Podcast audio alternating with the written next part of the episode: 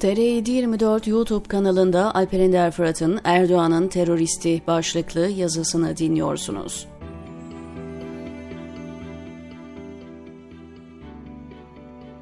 AKP Genel Başkanı Recep Tayyip Erdoğan'la İsveç Başbakanı Ulf Kristersson'un ortak basın toplantısında verilen fotoğrafın her iki taraf açısından da simgesel önemi vardı. Recep Tayyip Erdoğan sarayına kadar gelmiş, batılı bir devlet yöneticisinden bütün dünyanın gözlerinin içine baka baka terörist diye andığı bir gazeteciyi Türkiye'ye deport etmesini istedi. İsveç'in NATO'ya katılımı ile ilgili yapılan görüşmelerde NATO'nun üzerine yaslandığı değerlere ağır hakaret etti.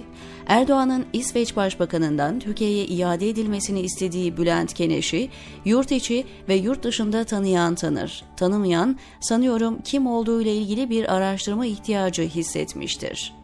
AKP Genel Başkanı Bülent Keneş'in ismini terörle anarak iktidarın aslında kimlere terörist dediğini bütün dünyaya bir kere daha anlatmış oldu. Keneş'i hiç tanımayan birisi Google'da bir araştırma yapsa şu bilgileri kolaylıkla bulabilir. Boğaziçi Üniversitesi Siyaset Bilimi ve Uluslararası İlişkiler bölümünden mezun olmuş, Marmara Üniversitesi Orta Doğu ve İslam Ülkeleri Enstitüsü Siyasi Tarih ve Uluslararası İlişkiler ana bilim dalında yüksek lisansını tamamlamış. Zaman Gazetesi'nde dış haberler editörlüğü, haber müdürlüğü görevlerinde bulunmuş, Anadolu Ajansı New York muhabirliği ve Bugün Gazetesi genel yayın yönetmenliğinden sonra İngilizce yayınlanan Today's Zaman'ın kurucu genel yayın yönetmenliğini yapmış, deneyimli bir gazeteci. Yıllardır çeşitli ulusal ve uluslararası medyada yazıları yayınlanmış, görüşlerini beyan etmiş bir isim Bülent Keneş. Bu görüşleri içerisinde evrensel hukukun terör olarak gördüğü hiçbir eylemi övmemiş, şiddetin, silahın, faşizmin, zorbalığın kıyısından köşesinden ne fiili ne düşünsel olarak geçmemiş, geçtiğiyle ilgili de hiç itham edilmemiş. Zaten azıcık bunlara tevessül eden fikirlerini tespit edebilselerdi, şimdiye binlerce kere ortaya koymuşlardı.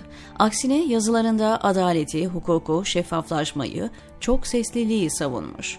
Gayet iyi eğitim almış, çok okuyan, gözlemleyen, dünyadaki her gelişmeyi çok yakından takip eden bir entelektüel olduğunu herkese kabul ettirmiş.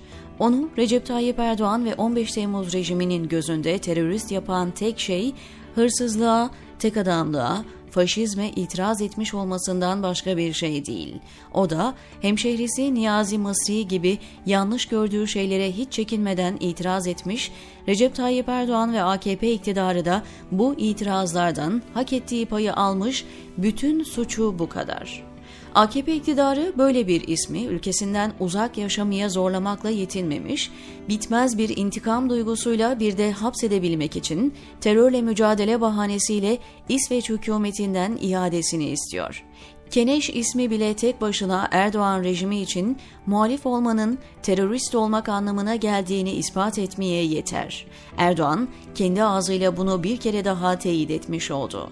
Tabii bu fotoğrafın bir de İsveç tarafı açısından simgesel önemi var. Türkiye'yi tipik bir Orta Doğu diktatörlüğüne çevirmiş adamın sarayına kadar giden İsveç Başbakanı Erdoğan'ı mutlu etmek için Batı'nın yaslandığı temel ilkeleri çiğneyip muhaliflere yaptırım uygulayacak mı hep beraber göreceğiz. Böyle bir şeye hiçbir şekilde ihtimal vermiyorum ama yaparsa bu devletlerin çıkarları vardır ve ona göre hareket ederler cümlesiyle açıklanamayacak kadar ilkesiz bir tavır olur. Hepsinden önemlisi NATO'nun varlık sebebi ortadan kalkmış olur. Bu ilkesizlik çuvalına her devlet yaptığı insanlık dışı uygulamaları kolaylıkla atıverir. İsveç devletinin yaslandığı değerleri bypass edip etmeyeceğini yakın zaman gösterecek. Ama aldığı olumlu ya da olumsuz tavırla demokrasi ve adalet tarihinde yerini de alacak, diyor Alper Ender Fırat TR724'deki köşesinde.